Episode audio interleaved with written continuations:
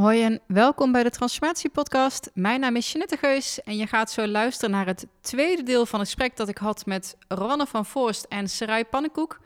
Vorige week hoorde je ook al mij met hen praten en toen hebben we het gehad over je missie vinden en wat je kan doen om op koers te blijven en hoe je omgaat met veranderingen en je omgeving. Nou, dat was al helemaal te gek. Maar ik had nog een thema wat ik heel graag met ze wilde bespreken.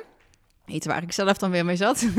Ehm, en dat is, hoe was hun, of hoe is hun relatie tot hun lijf? En wat voor valkuilen en strubbelingen hebben hun? En al helemaal, goh, we zijn allemaal op een soort van pad om onszelf beter te kennen en uh, dat ook te delen. Maar we hebben ook onze eigen strubbelingen en onze eigen groeipuntjes, laat ik dan zo maar even zeggen. Dus dat was voor mij een hele waardevolle aflevering. Ik vond het heel bijzonder om te zien dat wat er overeenkomstig was, wat voor mij bijvoorbeeld uh, de relatie met mijn hoofd is, mijn onzekerheid, zoals het voor Rowanne meer de relatie met werk. Uh, en daar, dat is ook een ontzettende valkuil. En voor Srai is dat veel meer voeding. En dat is haar ingang ook geweest. Dus ja, wederom, als je vorige week leuk vond, dan vind je deze ook te gek.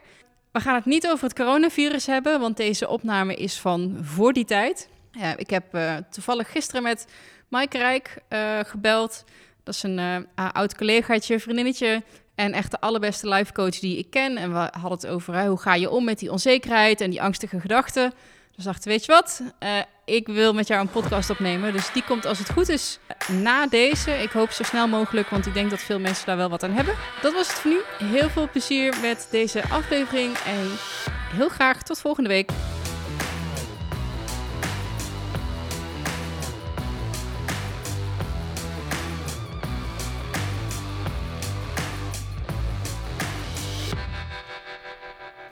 De Transformatie-podcast wordt mede mogelijk gemaakt door jouw aandacht, jouw like, share, comment, review, tag, uh, abonnee, etc. Dat laat namelijk de internetgoden weten dat deze content waardevol genoeg is ook om, om ook in andermans zoekresultaten naar boven te komen. Dus dankjewel dat je hier bent. Uh, als je hier nieuw bent en als je meer wil weten over wie ik ben, waarom deze podcast er is en hoe je met mij in contact kan komen, blijf dan heel even hangen tot na het gesprek.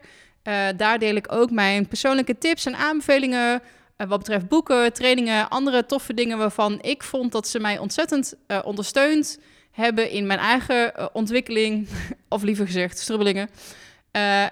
en ook waar je een gratis masterclass over lifecrafting kan bemachtigen. Maar goed, dat is dus helemaal op het eind. Oh ja, laatst vroeg je bij mij van... hey, er worden best wel vaak interessante mensen genoemd. Ook boekentips gegeven. Alleen ik heb dan even niks bij de hand om te schrijven...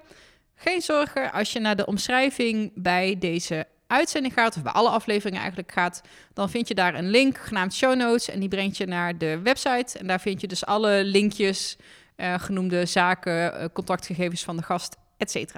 Op vele verzoeken. eigenlijk niet, want we zaten net hier ook al en nu zitten we weer, maar dit komt pas later uit. Maar we sloten het vorige gesprek af, of althans, ik gooide uh, thema erin, het imposter syndroom.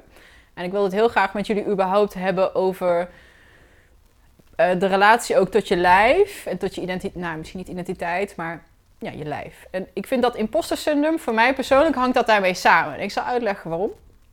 Ik heb eerst Love Fit Food gehad. Uh, sport en voeding. En ik, voel, ik vond mezelf toen een enorme imposter. Want kijk mij nou. En ik heb geen sixpack. En ik heb dat speklaagje nog. Ja, ik ben wel reet sterk. maar weet je, dat is eigenlijk niet het beeld wat ik denk dat een vitaliteitsinfluencer zou moeten hebben. Dat zat me dwars. Nu zit ik in de persoonlijke ontwikkelingshoek. En merk ik eigenlijk, alhoewel die wel subtieler is, dat ik wel een soortgelijke overtuiging heb van: oh, nou, je bent met persoonlijke ontwikkeling bezig. En met het bewustzijn en met spiritualiteit. En ik merk dat ik ook daar een bepaald beeld heb hoe je er dan uit hoort te zien. En toen dacht ik, oh, maar als ik zo in contact ben, dan moet ik ook wel, kan ik wel mijn eten wel een beetje onder controle hebben. En dan zou ik niet uh, meer zo dik zijn. En dan hoor je meteen, ik vind mezelf dus chubby, soms, niet altijd. Ook dat denk ik van, maar dat hoort niet. Hè? Want spiritueel verlichte, int, int, uh, uh, intellectuele mensen die zijn helemaal in contact met hun lijf en die voelen wanneer ze vol zitten en die voelen wat ze nodig hebben en die hebben dat helemaal senang. Denk jij? Dus dat is even de, de, de gedachtespoor, zeg maar, waarop ik dacht, oh ja, ik denk dat ik daar met jullie wel even over wil praten. Wat vinden jullie daarvan? Interesting. Ja, goed. Ja, en, en, en ja, wat komt er bij jullie boven als ik die thema's erin gooi? Wil jij beginnen? Ik bedoel, jij bent, jij bent de voedingspersoon. Ja, eh, nou ja, dat is goed. Ehm, en dan wat was de vraag? Sorry. Nee, nou meer of je het imposter syndroom herkent Ja. en hoe je dat ziet van, oh, weet je wel, ik ex- mijn expertise zit op een bepaald vlak en ik denk dat daar een bepaald soort Oh, beeld, ja, zeker. een lichaamsbeeld bij hoort. Ja. Je dacht, oh yes, ik ben uit de vitaliteitshoek. Yes, hoef ik me geen zorgen meer te maken over hoe ik er wel of niet uit hoor te zien. En ik denk, godverdomme, het is er nog steeds. Subtieler, maar het is er wel. Want ik denk, oh Snit, nee, je bent een fraudeur. Je bent helemaal niet eh, Ja. ingecheckt. Want eh, dan zou je wel anders voor jezelf zorgen. Ja, ja, herkenbaar. Zeker toen, ehm, toen ik in de topsport werkte. En zeker een beetje op het einde van eh, dat hele topsportgebeuren... vond ik het gewoon minder leuk om te sporten. En heb ik dus ook heel vaak die gedachten gehad van... hoe kan ik nou met Olympische atleten werken... terwijl ik zelf geen sixpack meer heb. Hmm, Oké, practice what you preach. Eh, maar ja, ik zoek het gewoon echt allemaal niet meer... om eh, zo vaak te moeten sporten en doe maar op. Dus ik herken het daar wel heel erg in. En wat ik daarin ook herken is dus... ehm, daar liggen dus overtuigingen onder. Hè, eh, van hoe, hoe. Of het nou dus een eh, vitaliteitscoach is die er op een bepaalde manier moet uitzien. Of een topsportdiëtist die er op een bepaalde manier moet uitzien. eh, of iemand die met zelfontwikkeling en spiritualiteit bezig is en er moet uitzien. Dat zijn eigenlijk allemaal conditioneringen en overtuigingen die daaronder liggen. Die maken dat je dat beeld hebt. Van, oh ja, zo ziet dus een spiritueel persoon eruit. En zo in tune met het lichaam. Maar goed, dat klopt natuurlijk helemaal niet. Hè? Want dat zijn natuurlijk overtuigingen die weer nou ja, vastgezet worden door bepaalde gedachten die we voor waarheid hebben aangenomen. Ehm, het feit dat je spiritueel bent wil helemaal niet zeggen dat je alleen maar in paarse gewaden moet rondlopen en met een toverstafje alle chakra's opent. En het stomme is dat, I know. Ik Ja. weet het. Ik weet het. En Ja. toch zie, Ja. kan ik, zie ik mezelf dan hè, in pashokjes of in spiegelruit of eh, thuis. En denk ik echt, Ja. hoe dan? Ja, omdat je het dus een verwachting is die je hebt gecreëerd. Ja. Een, een bepaalde manier van... ehm, ja, een, een, bepaalde, een bepaald beeld dat je hebt gecreëerd van... Nou ja, eh, het beroep of, of hetgeen wat je beoefent. Oké, want hoe ziet een spiritueel persoon eruit? Laten we daar eens beginnen. Hoe vinden jullie... Ja, ik, ik zie dat dus helemaal... Ik, ik denk, ik En niet of je waarom- het aan de buitenkant kan zien. En waarom is in mijn hoofd dat zo'n... Kijk, zo'n Gabrielle Bernstein of maar bijvoorbeeld Marieke van de Bewustzijnsschool. Het zijn altijd ranke, slanke dames. Ja, Op, dat is dan In mijn overtuiging, wat natuurlijk niet zo is. Maar Ja, maar dat hoeft dus niet per se. Want je hebt ook hele goede genezers en healers die eh, niet super rank en slank zijn. Ik denk dat dat helemaal in die zin los kan staan van het lichaam. ja. Dat dat heel belangrijk is om dat te beseffen. Maar dat, is dat dat imposter syndroom wel erbij komt kijken. Omdat het dus een bepaalde, eh, ja, dus een soort van maatstaaf. En dan wil je dan aan, aan vasthouden om, om eh, nou ja, dan, heb je, dan ben je ook dat. Terwijl het gaat natuurlijk veel meer om wat er van binnen zit. Weet je nog hoe jij dat hebt, of hoe je daar in die periode mee om bent gegaan? Zo van, hé, hey, ik, ik heb nu dat, inderdaad dat beeld niet meer wat ze van een topsporter eh, verwachten. Ja, eh, ja, ik vond dat heel confronterend. Want ik merkte dat ik dus kritischer werd over mijn eigen lichaam. Dus dat ik wel kritischer ging kijken naar... eh, nou ja, geen sixpack, niet meer zo super afgetraind. Ik, was, ik werd minder sterk, want ik ging gewoon minder krachttraining doen. En tegelijkertijd, omdat ik er me zo... Ik voelde me zo chill bij, kon ik, het, kon ik wel makkelijker in de acceptatie schieten. Omdat ik, ik was gewoon echt op zoek naar wat ik heel erg leuk vond om te doen en waar ik energie van kreeg. En dat was letterlijk andere manieren van eh, actief zijn. Ehm, en ja, dat gaat dan gewoon gepaard met een lichaam wat een beetje verandert. Ja.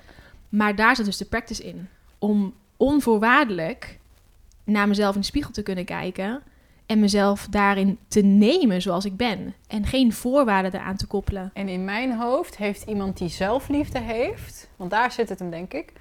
Als je zelfliefde hebt of predikt of cultiveert, wat dan ook, dan dat, dat vindt zijn weerklank in hoe je eruit ziet. Want mijn zelfliefde is ook is voeding in het brede Het hele brede spectrum. En als ik dus ook goed vanuit zelfliefde goed voor mijn lijf zorg, dus goed eet, dan gaat dat lijf ook weerspiegelen hoe lief ik ervoor ben. En daar loop ik nu tegenaan. Zo van, hé, hey, eigenlijk ben ik wel met dat stukje zelfliefde en acceptatie heel ver.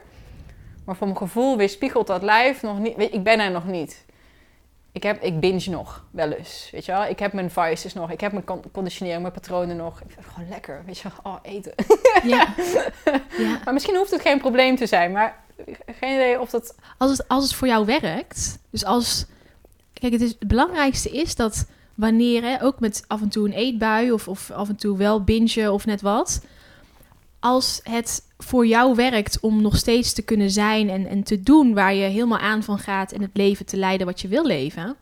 dan is de vraag of het, of het, heel, eh, of het erg is dat dat Mm. gebeurt af en toe. Maar wanneer het dus jou in de weg gaat staan en jou belemmert van het pad wat je eigenlijk wil belopen, ja, dan zou je daar nou, op, dan zou je dat kunnen gaan ontplooien om te kijken wat zit daar dan onder. Het is misschien meer het invullen van de interpretatie van degene die naar mij kijkt. Ja, Dus doe je dat met de vragenlijst of hoe? hoe, hoe Nee, hoe- zo van, eh, stel dat jij naar mij zou kijken en ik zeg, en je weet waar ik mee bezig ben. En dat met vitaliteit, hè? Ja. Dat je bijna voelt dat iemand zo... mhm. ja, oké, dat vertel je wel, maar practice jij wel wat je preacht? Ik ben bang dat mensen dan denken van... Oh, maar jij practice helemaal niet wat je preacht, want je voedt je lijf helemaal niet zo. Maar heb je dat dan gevraagd bij hen om te checken of is dat jouw interpretatie? Dat is echt helemaal 100% mijn interpretatie. Ja, precies. ja, want je ziet de wereld natuurlijk vanuit hoe dat jij, eh, hoe dat jij wilt dat de wereld naar jou kijkt. Dus door de, door de bril hoe jij zeg maar naar zo'n persoon kijkt. En je kijkt naar Rowan en je, je denkt dat Rowan dat van jou denkt. Terwijl Rowan denkt misschien van, wow, wat een sterke chick. Wow, zij is super sterk. Wat vet dat ze eh, NK kettlebell of WK kettlebell, eh, dat ze daar stond en noem maar op. Ja. Je kan natuurlijk nooit zeker weten dat iemand dat denkt. Dus, ehm, maar ja, daardoor ga je wel weer bepaald gedrag ehm, vertonen, omdat jij ervan uitging. Hè, je verstand zegt dat, dat Rowan dat over jou denkt. Maar dat is natuurlijk niet zo. Dat heb je niet gecheckt. Dat is zeker waar. Ja, ik vraag me ook wel af. Kijk, ik ken het imposter syndroom, hè, oftewel het door de mand val syndroom. Hè, want dat is, dat is eigenlijk een beetje Oh, het zo gevoel wat het. erbij Ja. hoort. Of, ja, en het komt voornamelijk grappig genoeg voor onder jonge vrouwen. Ehm, dus dat zegt denk ik voornamelijk iets over wat voor regels we onszelf daar dan in opleggen. Dus dat je, je- nou, heel veel academici hebben het bijvoorbeeld, dat ze zeggen, ja, maar ehm, heel veel van mijn PhD-studenten die zeggen van, ja, maar ik ben geen echte academicus, want, en dan wijzen ze naar iemand anders over, nou, die, die werkt elke avond tot negen uur en eigenlijk ben ik het om zes uur wel zat en wil ik gewoon lekker eh, een wijntje drinken en gaan koken, weet je wel, dat, dat soort ideeën. Of Ehm, ik heb het zelf nog regelmatig als ik een boek schrijf, als ik een artikel schrijf van ben ik wel slim genoeg Ja. om academicus te zijn? Nou, het is best wel bevrijdend, vind ik, om überhaupt te denken dat dat dus heel veel voorkomt. Dus dat dat ook voorkomt onder de vrouwen, meestal waarbij je dat niet ziet, maar ook natuurlijk onder de mannen. Maar dit is gewoon een, veel onderzocht ding onder de vrouwen. Wat ik wel interessant vind zelf, is ik denk dat als je het koppelt aan uiterlijk, ik heb een aantal dingen.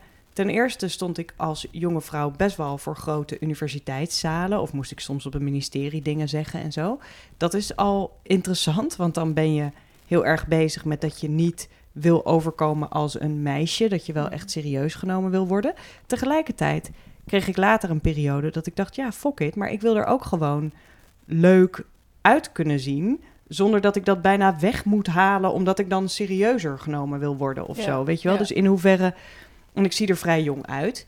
Ehm, in hoeverre mag ik dat gewoon er laten zijn? Zo van ja, kan ik ook niks aan doen, jongens. Weet je wel, ik zie er gewoon uit als een jonge vrouw. Maar ik ben wel slim. That's it. Of zo. En daarna kreeg ik het weer met mijn boeken. Dat ik merkte. ehm, nou, bijvoorbeeld nu. Hè, ik ben antropoloog van de toekomst, dus ik denk na over wat gaat er in de toekomst gebeuren. En mijn vorige boek ging over de toekomst van de voedselindustrie. Daarbij kwam ik uit bij, het zou wel eens kunnen dat plantaardig eten eh, voor een heel groot deel de toekomst gaat worden in de westerse wereld, waar dat heel toegankelijk is. Interessant, want dan krijg je dus allerlei groepen plantaardige eters, vegans, waarvan sommigen dat uit idealistische overtuigingen doen, sommigen eigenlijk dat hele concept een beetje kapen En eigenlijk gewoon zoekend naar een heel erg strikt dieet. En daar dan maar een plantendieet voor inzetten. En dan zeg je, ja, ik ben vegan, want ehm, ja, zielig voor de dieren en zo, zielig voor de planeet. Maar eigenlijk denken, ik wil gewoon alles mijden waar vet in zit. Dus weet je wat, ik mijd alle zuivel. Ik zag dat best wel veel. Bij mezelf werd dat niet zozeer een soort uiterlijke check, als wel een innerlijke check. Want ik werd in de loop van het schrijven van dat boek, werd ik plantaardig etend. Dus ik werd van vegetarisch, dat was ik al, werd ik veganistisch. Meer omdat dat heel goed voelde en logisch leek. Als je zo diep in dat soort onderzoeken zit, dan is op, op een gegeven moment dan voelt dat best wel als een soort van ja, ik had er gewoon eigenlijk heel weinig behoefte meer aan. Tegelijkertijd wilde ik ook uit de dogmatiek blijven. Dus ik wilde, ehm, als ik op veldwerk ben en ik ben in een conflictgebied, wat ik vorig jaar weer een paar keer heb gedaan, en mensen hebben alleen maar een stukje kip met mij te delen, dan zal ik dat stukje kip opeten. Want dat is het enige wat ze hebben. Is voor mij heel belangrijk als antropoloog, als onderzoeker, als mens, om het dan gewoon te kunnen zien en voor ja, waardevol aan te kunnen zien ook. En voor mij heeft dat ook niets te maken met de absurditeit van een soort biosysteem of bio-industrie waar wij ons in bevinden, maar meer met oké, dit hebben mensen nodig. Maar dan krijg je dus iets geks. Want inmiddels word ik af en toe herkend uit mijn boeken. Kan het dus zijn dat ik in bepaalde situaties me een beetje klem gezet voel of zo van oh, Nu moet ik daaraan Hmm. voldoen. ja, nu moet ik daaraan voldoen. Dus wat ik dan doe, en dat kan ik wel een beetje koppelen aan ehm, ja, manieren van nadenken over je lichaam, is een soort van: wat wil ik in de lange termijn, hoe wil ik me daarin voelen of zo? Wat zijn belangrijke waarden voor me? En voor mij was het dan een belangrijke waarde dat ik wil kunnen blijven voelen wat op dat moment het beste is. En daar hoort nu geen rigide manier van leven bij Mm. wel een manier van, nou in dit geval heel af en toe geef ik het mezelf, probeer ik er heel erg van te genieten. En dan weet ik ook dat ik zonder enige moeite weer in de Amsterdamse bubbel kan leven met wel de veganistische ehm, aanpak. En trouwens, dat kan op heel veel plekken ter wereld, maar toevallig niet in dat ene conflictgebiedje waar ik was. Weet je, daar was dat echt wat lastiger. Dus ik probeer steeds te kijken naar een soort lange termijn perspectief. En ik weet dat het voor heel veel mensen met vrouwen, vooral met een eetprobleem, bijvoorbeeld ook zo kan helpen. Van als je nu nadenkt over deze regels maken me nu rustig of maken dat ik een beter gevoel heb over mijn lijf. Maar zie ik voor me dat ik tot mijn tachtigste aan deze regels blijf voldoen? Nou, dat voelt vaak zo vermoeiend. Dat wil je niet. En zelf doe ik het met klimmen bijvoorbeeld ook wel. Ik heb de afgelopen jaren zo hard gewerkt, maar ook wel ehm, nou, een relatie die uitging, weet je, verhuizingen, dat soort dingen, mantelzorg erbij. Dat ik merkte dat mijn klimmen het laatste jaar heel erg achteruit is gegaan. Dat ik gewoon echt minder sterk ben geworden. Dat kan ik af en toe qua ego best een beetje een dingetje vinden. Want er zit ook iets leuks aan dat je vooruit gaat. En ik was in die periode ook echt wel gespierd. Ik ben nu een stuk zachter voor mijn gevoel.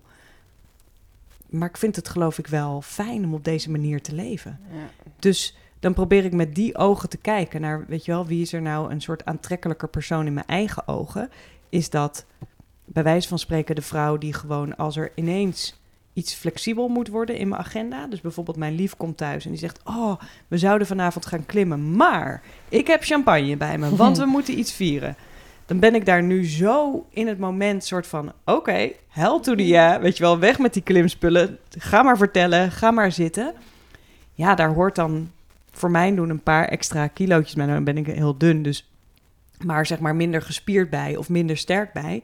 Maar het is wel een manier van leven waarvan ik me voor kan stellen dat ik er heel gelukkig bij blijf of zo. De rest, en dat het me ook aantrekkelijker maakt, Ja. weet je wel, als mens. Dus dat is voor mij het vooral. Het verschil tussen die rigiditeit en constant blijven staan naar een soort holistischer, langetermijn perspectief of Ja. zo. Heb- Heeft het je ooit dwars gezeten? Je bent heel rank. Ja. Ik wil het woord dun eigenlijk niet Ja. gebruiken, want daar zit meteen een hele lading ook wel weer voor Ja. sommige mensen bij. Oh, het heeft me heel erg dwars gezeten. Ik heb een periode gehad. ehm, ik heb heel heftig veldwerk gedaan toen ik nog heel jong was. En dat was moeilijk voor me, omdat ik soms letterlijk lang bij mensen verbleef. waar mensen echt heel erg honger leden. En daarna ging ik dan terug naar de westerse wereld na een half jaar of na een jaar. En ik merkte dat ik heb absoluut een periode gehad waarin ik wel degelijk strikt werd, omdat ik het moeilijk vond om heel erg te indulgen in wat we nou eenmaal hebben hier in het Westen. Dus ik bleef dan bijna op een soort, alsof ik ging meelijden met die mensen. Zo van, zij hebben heel weinig. Dus Empathie of zo. ja, of uit een soort schuldgevoel. Ah. Dus ik ging dan ook niet meer naar een koffiecafeetje. Ik gaf geen, heel weinig geld, maar nog maar aan mezelf uit. Ik werkte heel hard. Dus ik werd daar ontzettend dun van. En toen mocht je dat echt nog wel gebruiken. Want ehm, ja, dat, dat was gewoon echt wel dunner dan, dan überhaupt de bedoeling was vanuit mijn lichaam. Dat kon je zien. Weet je, je kunt daar een verschil zien of iemand gewoon slank gebouwd is of dat het echt mager wordt. Ja. En ik werd mager en ik kreeg ook gewoon klachten. Weet je, ik werd gewoon slap. Ik, ik zag er niet goed uit. Dus dat heb ik ingewikkeld gevonden, omdat het lullige is met dat soort regels, is dat ze je ook heel veel structuur in je dag geven. Dus als jij elke dag begint met, in mijn geval was het niet zozeer op uiterlijk, dus ik had toen ook helemaal geen spiegel, want ik woonde namelijk zo simpel mogelijk, had ik ook niet. Ik kocht geen nieuwe kleren, ik was niet zo bezig met uiterlijk, ik was bezig met heel hard werken. Maar ik stond dus wel s ochtends om half zes op om artikelen te schrijven. Dan ging ik daarna ging ik naar de universiteit fietsen waar ik toen voor werkte. Eh, dat was dan drie kwartier, maar ik vond het onzin om dan geld te betalen aan het openbaar vervoer. Ik was toen echt heel jong, hè? dus begin 20 jaar of 19 of zo was ik toen, denk ik. Mm. Nou ja, zo, ging mijn dag door. En dan zat ik tot s'avonds acht uur op de redactie te werken. En dan ging ik naar huis en dan even snel wat eten en dan naar bed. Want morgen moest ik weer fris en dan zat ik nog allemaal... Die manier van leven, die gaf ook heel veel voldoening. Het is best wel een soort van purifying of zo. Als je een tijd alleen maar dat doet. En het lullige is, als je er vanaf wil, dan kost dat je veel langer dan wanneer je hem hebt opgebouwd. Dus ik spreek wel eens met mensen die, ehm, vanuit mijn angsttrainingen komen wel eens met mensen van angst voor eten of angst voor aankomen. En die zeg ik het wel eens tegen van, ja, als jij jezelf eenmaal hebt aangeleerd hoeveel calorieën er in een banaan zitten, of hoeveel je verbruikt door eh, een uur hard te lopen, you can't unlearn, weet je wel. Dus het blijft in je hoofd zitten. En daarom kost het dat soort mensen heel lang om daar weer vanaf te komen. En daardoor kostte het mij heel lang om terug te gaan naar... heb ik zin om te bewegen? Heb ik inspiratie om te werken? Of moet dit van mezelf? Ja, ja. Dus ik heb daar wel degelijk mee geworsteld. En wat ik ook nog lastig vond, was omdat ik er in die tijd al best wel open over was. En ik ben toen naar een diëtist gegaan, juist om weer aan te komen. Ja, geliefden om mij heen wisten het. Dus als ik even wat te hard aan het werk was, maar ook als ik een chocolaatje even naast me neerlegde, dan dachten mensen: Oh, oh, het is, het is, ja, oh ja, dat is jouw probleem, hè? Weet je wel? Dus dat blijft dan ook nog Ja, lang. eigenlijk het- hetzelfde als wat ik heb als ik het wel eet. Van, oh, dat is jouw probleem. Ja. Het, oh, nee, eh, nee.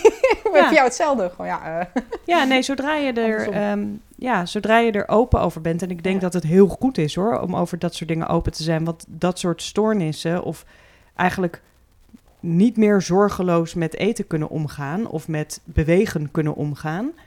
Dat zou je een stoornis kunnen noemen als het je gaat eh, storen in je dagelijks leven. Maar anders is het in ieder geval, je bent de zorgeloosheid kwijt. En dat is eigenlijk gek, want zo ben je niet begonnen. Ehm, ja, het maakt wel dat als je daar open over bent, dan heeft het als voordeel dat het niet door kan gaan. Want ze, ze gedijen in stiekemheid, denk ik.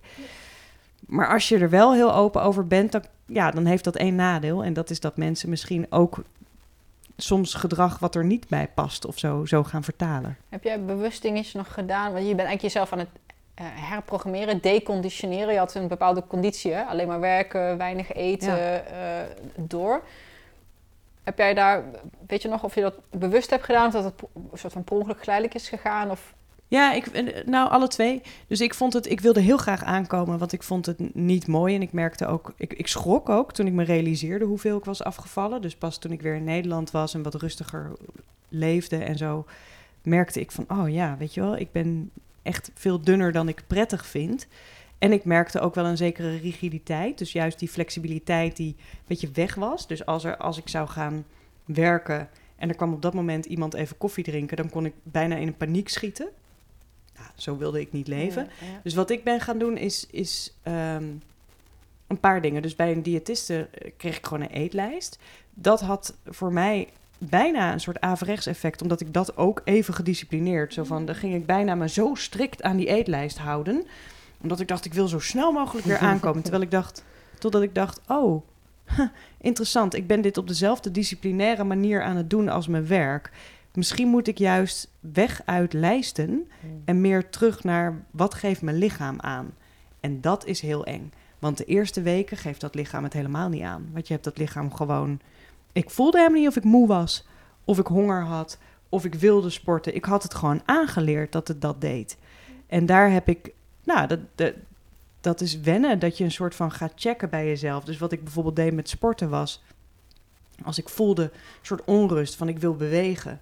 dan dacht ik, wil ik nu een sport doen die calorisch verbrandt of zo? Wil ik, hè, wil ik Mhm. hardlopen? Of zou ik ook een yoga-ding kunnen doen, wat helemaal niet verbrandt, maar wat misschien wel diezelfde onrust weg kan halen? En als ik mezelf erop betrapte dat ik heel erg een voorkeur had van één, voor één ding, van nee, ik wil nog gewoon die onrust eruit rennen of zo, dan ging ik dat maar even niet doen. Weet je, want dan dacht ik, dit komt echt vanuit een verkeerde plaats. Ja, oh. En dat, dat hielp me wel, dat soort dingetjes. Van, dat is knap. ja, nou, dan zeggen, komen dat kom we eigenlijk op. ACT ook, Ja, denk precies. ik. Ja. Want ik herken dat, de- dat gevoel, ik heb dat dan met eh, onrust en eten s'avonds. Want dat, dat geeft rust. Ja. En dat dan herkennen en zeggen, ja, en dat ga ik dan dus niet doen. Terwijl dat eigenlijk hetgene is wat je het liefste... Jij wil die onrust het liefste eruit rennen. Ik wil die drukte het liefste wegeten, zeg maar. Dat is zo verschrikkelijk moeilijk. Om dat moment, op precies het juiste moment even die andere keuze te kunnen maken. En dat is ook zo. Maar ik denk dat wat wel heel erg helpt, is om een alternatief ding voor jezelf te doen. Dus ik zei, ik deed niet, dus ik blijf nu zitten op mijn stoel. Want ik was gewoon, ik worstelde in die tijd enorm met. Ik was toen bezig met onderzoeksjournalistiek naar, ehm, naar de toekomst van migratiestromen en vluchtelingen en zo. Dus ik zat heel vaak met hele grote onderwerpen die, die toen nog geen tijdschrift wilden hebben of geen opinietijdschrift. Die probeerde ik dan, ja maar jongens, hier worden mensen mishandeld of hier verdrinken mensen. Ja, dan wilde ik heel graag gaan rennen. Ik denk als ik op dat moment had gezegd: nee, je moet achter de computer blijven zitten, eh, dat was moeilijk Mm. geweest. Maar ik mocht dan dus wel iets doen, maar ik mocht bij wijze van spreken wel langzaam gaan wandelen. Of, maar ik wilde iets anders doen om in ieder geval uit dat dogma te komen. Van dit moet het dan zijn en anders voelt het niet goed. Bijna zoals eetgestoorde mensen zouden kunnen gaan oefenen met... ik mag altijd alleen maar bruin brood, oké. Durf ik te experimenteren met een witte boterham, weet je wel? Of durf ik te experimenteren met dit alternatief? Dat je, je geeft jezelf er wel iets voor in de plaats of zo. Het Mm. gaat niet helemaal weg. Maar het is net iets anders, zodat je net iets meer flexibiliteit weer geeft aan je hersens of zo. Ja, en ik denk ook dat het komt vanuit een bepaalde intrinsieke motivatie om daar op een bepaalde manier beter mee om te leren gaan. Dus dat is ook fijn. Als je dus voelt van, oh, maar dit kan eigenlijk niet langer zo. Ik wil juist weer eh, meer mijn lichaam voelen wat het nodig heeft aan rust, aan wel willen sporten of niet willen sporten, wel willen eten en noem maar op. Ik denk als die, dat die motivatie er al is, dan is het ook eh, uitdagender om ehm, eh, niet per se voor de makkelijkste weg te gaan. En dat is die onrust proberen te vermijden door heel hard te gaan rennen. Maar ook denken, oh nou oké, ik wil wel van die onrust misschien af. Of ik wil wel iets ontspannends doen. Maar het mag ook iets anders zijn. Kan je die, die act... eh, Ja, ik zag allemaal dingen van Act. Ah, ja, oh, ja. chill, ja. dat dacht ik al. Want jij kent Act ook. Nou, het- het is echt zo bizar. Ik kende het niet. Ja. Eh, iemand zocht contact met mij via LinkedIn en die zei: eh, Oh, ik volg je podcast, interessante onderwerpen. Ik heb een groot netwerk. Misschien kan ik je nog aan iemand koppelen. Wat voor onderwerpen vind je interessant? En toen had ik echt net de dag ervoor een hele inventarisatie gemaakt waar ik het nog allemaal over wilde hebben. Ik zei: Ja, oh, hier, copy-paste, zo'n lijst. Hij zei: Oh, nou, ik zie eigenlijk wel heel veel overlap met wat wij doen. En dat blijkt dus dat hij die methode in Nederland. ehm, Heet hij Gijs? ehm, nou, kom iets met een J, J, E. eh, Sergio. Oh, ja. Oh, nee, ja. Sergio nog wat. ja. Ehm het heeft boek geschreven. En dat, hij zei, ja, eigenlijk wat ik jou hoor zeggen, ook in de podcast vaak, of weet je wel, en deze thema's, het wijst allemaal naar ACT. En toen dacht ik, nou, dat is echt super toevallig, want daar zag ik iemand over. En toen zag ik jou erover. Ja. Dus Sarai. ACT. Act. Ja. Oh, ACT is zo mooi. ACT staat voor accept. Ken je ACT? Ja. Oh ja. Dus dat staat voor Acceptance and Commitment Therapy. En dat is een manier om psychologische flexibiliteit, om dat nou ja, eigenlijk te stimuleren en, en dat echt in je leven nou ja, te, te, te laten plaatsvinden. Ehm, het maakt, ze maken gebruik binnen ACT van zes pijlers. Ehm, onder andere, even kijken hoor, onder andere acceptatie en bereidheid, eh, toegewijd handelen, eh, mindfulness, ehm, nou, nog drie andere. maar in ieder geval, al die dingen samen zorgen ervoor dat, ja, dat je dus gewoon heel erg eh, in het hier en nu. Je kan je gedachten zien voor wat ze zijn. Je hoeft er niet in mee te gaan. Maar je gaat heel erg leven eh, vanuit de waarden die voor jou belangrijk zijn. En je maakt heel erg ja, bewegingen in je gedrag die, ja, die eigenlijk leiden naar het leven wat je wil leiden. Dus het gaat heel erg over het hier en nu. Voor mij, ik noem dat bewust leiderschap. Ja, Je neemt leiderschap vanuit een hele bewuste positie, het, het- overzien, het, bijna Ja. vanuit een metapositie. Ja. Dat is wat ACT, ik, weet- ik heb geen idee wat ACT voor is, maar zo zie ik het. Oh, volgens mij is dat dat even uitzoomen, meerdere opties, meerdere scenario's kunnen bedenken, kunnen zien en zeggen, nou, weet je wat, dit is in lijn met Ja. wie ik wil zijn. Ja. En dus ga ik daarvoor. Maar dat vereist zoveel. Ja, want dat even telt dus niet. Het is niet, ik ga even dit doen. Want mensen die dus in regels verstrikt zitten en in hele eh, heftige belemmerende overtuigingen, ja, daar ligt daar nog eerst het werk. Dus daar ligt een stukje diffusie, dus dat je niet helemaal fuseert met je verstand en met alle gedachten die het produceert, maar veel meer observeerder kan zijn. Ehm, en daar zit heel erg de, de, de uitdaging in voor, voor dat soort mensen. Omdat je moet een stuk van ja, jezelf, wat je misschien zo lang hebt geloofd, eh, moet je loslaten om dus die ruimte te kunnen creëren, zodat je ook echt ja, waardevolle keuzes kunt maken. Maar ACT is heel prachtig en ACT werkt eigenlijk voor iedereen die gewoon kampt met, ehm, nou, eigenlijk, ehm, ja, die, die minder psychologische flexibiliteit. Dus mensen met ehm, eetstoornissen, maar ook mensen die eh, misschien kampen met een, een burn-out of net wat. Eh, daar kan je heel erg ACT mee oefenen, omdat het echt, het gaat over het hier en nu. En je wordt je heel erg bewust van, wat kun je op dit moment, wat kan je nog meer doen om echt te zorgen dat je ja, die voldoening uit je leven kan blijven halen. Ja, en ik denk dat er veel. Hè, kijk, wat jij zei net, oh, nou wat knap. Kijk, ik moet er ook wel bij zeggen, ik was toen 18, 19, Mhm. right? Toen dat speelde. Dus ja, dan zijn we inmiddels 18 jaar verder. Dus dan is het ook makkelijk praten. Ik heb daar toen best wel mee geworsteld. Maar ik heb het ook wel ergens een mooi proces gevonden. Want mijn neiging tot overwerken, want dat is het natuurlijk, komt Mhm. gewoon af en toe toe. Ik bedoel, dat zie ik nog steeds. En dat heeft te maken met een verantwoordelijkheidsgevoel en ook wel met een bepaalde gevoeligheid voor wat er buiten gebeurt en daar dan bijna niet niks mee kunnen doen. Ik denk dat als je jezelf op een gegeven moment betrapt bijna op een te rigide, op een vastzitten in een groef, want dat is het eigenlijk een beetje, dan word je ook wel gedwongen om te gaan onderzoeken wat daarachter zit. En ik denk dat voor mij was het inzien van, oh, maar ik voel me heel erg verantwoordelijk. En dat is, dat klinkt heel lief, maar dat is ook, heeft ook iets enorm zelfoverschattends. Van wat wou je nou gaan doen? Denk je nou dat jij, dat jouw artikel, weet je wel, dat dat al het lijden van die Mm. mensen gaat helpen? Nou ja, daar, daar zat een soort rouw bij eigenlijk van, ja, maar de wereld is gewoon best wel Mm. hard en oneerlijk. En dat gaat niet helpen. Er kwam ook een soort verlossing van, oh, dus ik hoef het ook niet te doen. Dus ik mag misschien ook wel gewoon een baan die leuk is. En ik mag ook af en toe minder hard werken. En ik hoef niet altijd in dat soort landen te wonen waar ik eigenlijk niet zo. Nou ja, als je allemaal dit soort dingen, als je daarmee bezig gaat, dan wordt het ook wel makkelijker om iets aan dat mini-gedragje te doen, wat je vertaalt, wat je gebruikt misschien wel als een manier om met die onrust of dat ongemakkelijke gevoel om te gaan.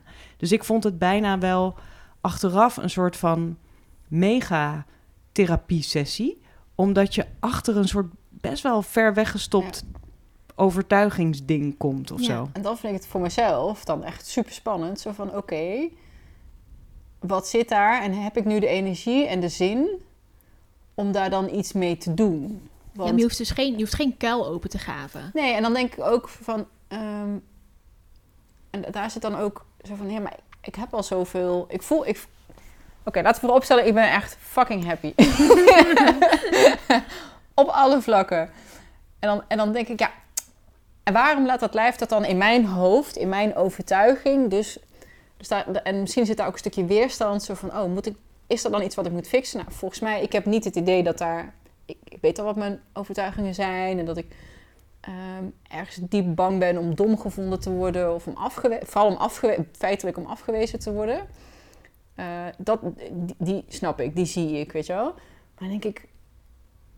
eh, dan zet ik mezelf vast. Moet de oplossing altijd in dat psychologische stuk zitten? Dus eigenlijk moet ik het gewoon... Maak ik het daarmee bijna ook wel te groot. Want het is maar een stukje gedrag. Het is maar een klein stukje conditionering. Het is niet dat er iets mis met mij is. Ik heb gewoon tot, weet ik veel, vijf, zes jaar geleden at ik gewoon op een bepaalde manier. Totaal wist ik veel. Ik denk zo, oh, ik zou willen dat ik als kind niet in een slecht eetpatroon had was aangeleerd. Het is gewoon een stukje conditionering wat ik nog wil afleren. Om, om daar dan voor te gaan zitten, om die commitment met jezelf aan te gaan. Want gedrag veranderen is echt het allermoeilijkste volgens mij wat er is. Ik heb er misschien gewoon nog even geen zin in. Misschien is het dat wel gewoon. Ja, maar het hoeft ook dus, als het nog op dit moment werkt, dus, dus gewoon hoe het op dit moment is, je bent super gelukkig, je kan doen wat, wat je wil en het geeft je heel veel energie, dan zijn het ook allemaal heenbewegingen hè, om een voldoen, voldaan leven te leiden. Ja, behalve dan als je denkt, oh weet je, dan zie je jezelf ergens staan of op een foto, dan heb je een lezing gegeven en dan denk ik echt, oh, godverdomme. Ja, Ja, maar- ja. ja. als, ik het, als ik het zo hoor, hè, want ik bedoel, kijk, iedereen heeft natuurlijk, iedereen heeft gewoon dingen aan zijn of haar lichaam die als je er kritisch naar gaat kijken en je hebt zo'n dag of zo'n week dat je denkt, huh, weet je wel, nee, vind ik minder mooi. ja, of een jaar. Ja. En dan is het denk ik gewoon echt een kwestie van dankbaarheidsdingen voor, weet je wel, wat is dit lichaam sterk? Ja. En wat is dit lichaam gezond? En wat is dit lichaam seksueel? En wat is dit lichaam? Al die dingen die je wel fijn kan vinden van je lichaam. En dat helpt wel heel erg. Want ik weet ook nog uit de periode dat ik bijvoorbeeld... als ik in een gebied was geweest waar ik echt letterlijk een half jaar honger had geleden... ik heb heel lang ge- gedacht dat ik daarna dus eetbuien had. Totdat ik me realiseerde, ik had gewoon tekorten. Mijn lijf had gewoon honger. Mm. En soms zijn het ook gewoon dat soort dingen. Weet je wel, soms is een wat mensen dan een eetbui of een binge-aanval voelen. Dat kan. Maar het kan ook zijn, soms zeker eh, ja, meiden voornamelijk met, met herstellend van anorexia. Jij zal dat nog veel beter weten dan ik. Maar dat lijf heeft gewoon nog honger. Weet je wel, dat lijf kan gewoon niet precies meer aangeven wanneer het genoeg heeft gehad. Dus dat is nog aan het wennen. En ik denk dat je wel iets waar zegt. Van bij mij was mijn harde werkgedrag, want daar zat het dan voornamelijk in. En daar werd ik ook dun van, want daardoor was ik gewoon de hele dag aan het werk. En weet je wel, vergat ik lief te zijn voor mezelf, zeg maar. Mm, dat kwam echt ergens vandaan. Dus dat was het echt waard om te gaan onderzoeken. Anders was ik daar nu nog gebleven, zeg maar. Maar ik denk dat voor heel veel mensen... Iedereen heeft manieren waarop je eh, onrust uit je lichaam probeert te halen. Want onrust vinden we gewoon ongelooflijk moeilijk om mee te zitten. En de een die drinkt drie glazen wijn per, per avond. De ander die rookt. Dan is er nog iemand die uit het af en toe op zijn geliefde, weet je wel.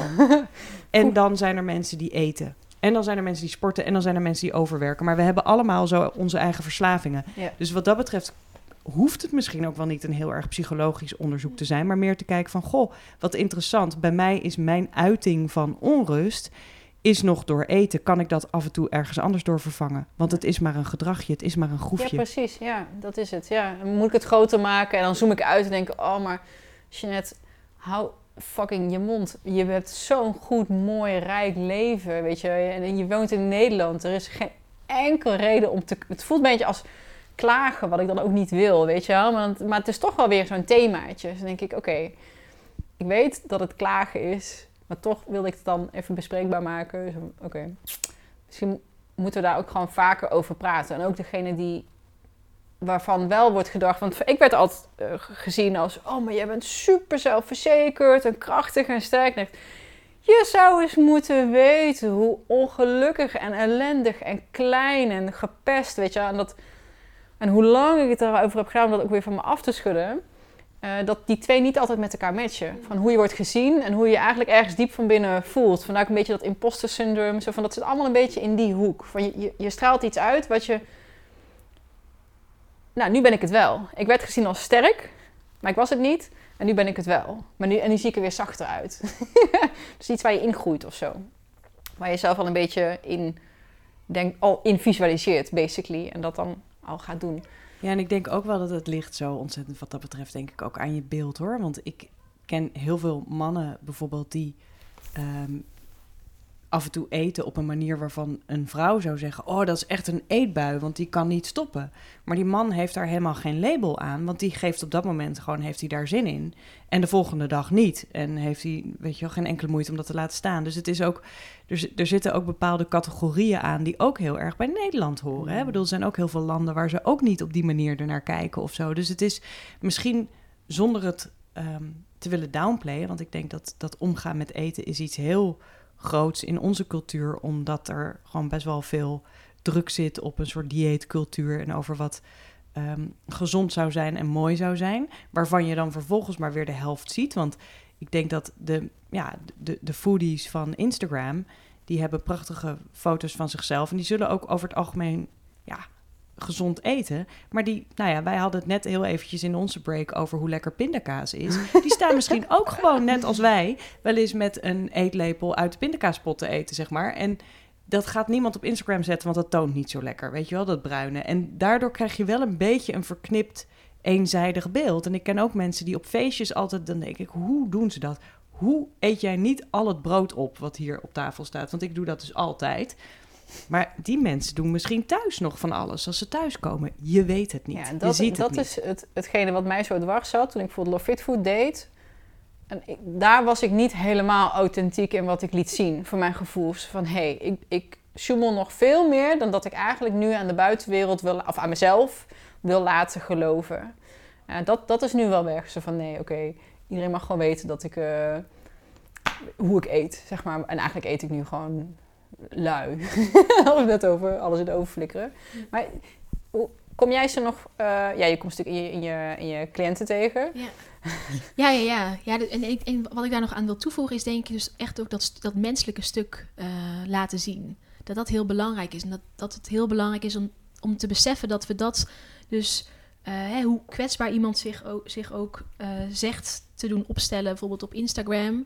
Je ziet altijd maar één seconde in een foto van een hele dag. Hè, dus het, het is heel menselijk voor heel veel vrouwen hier in het Westen eh, om geen fijne relatie te hebben met voeding.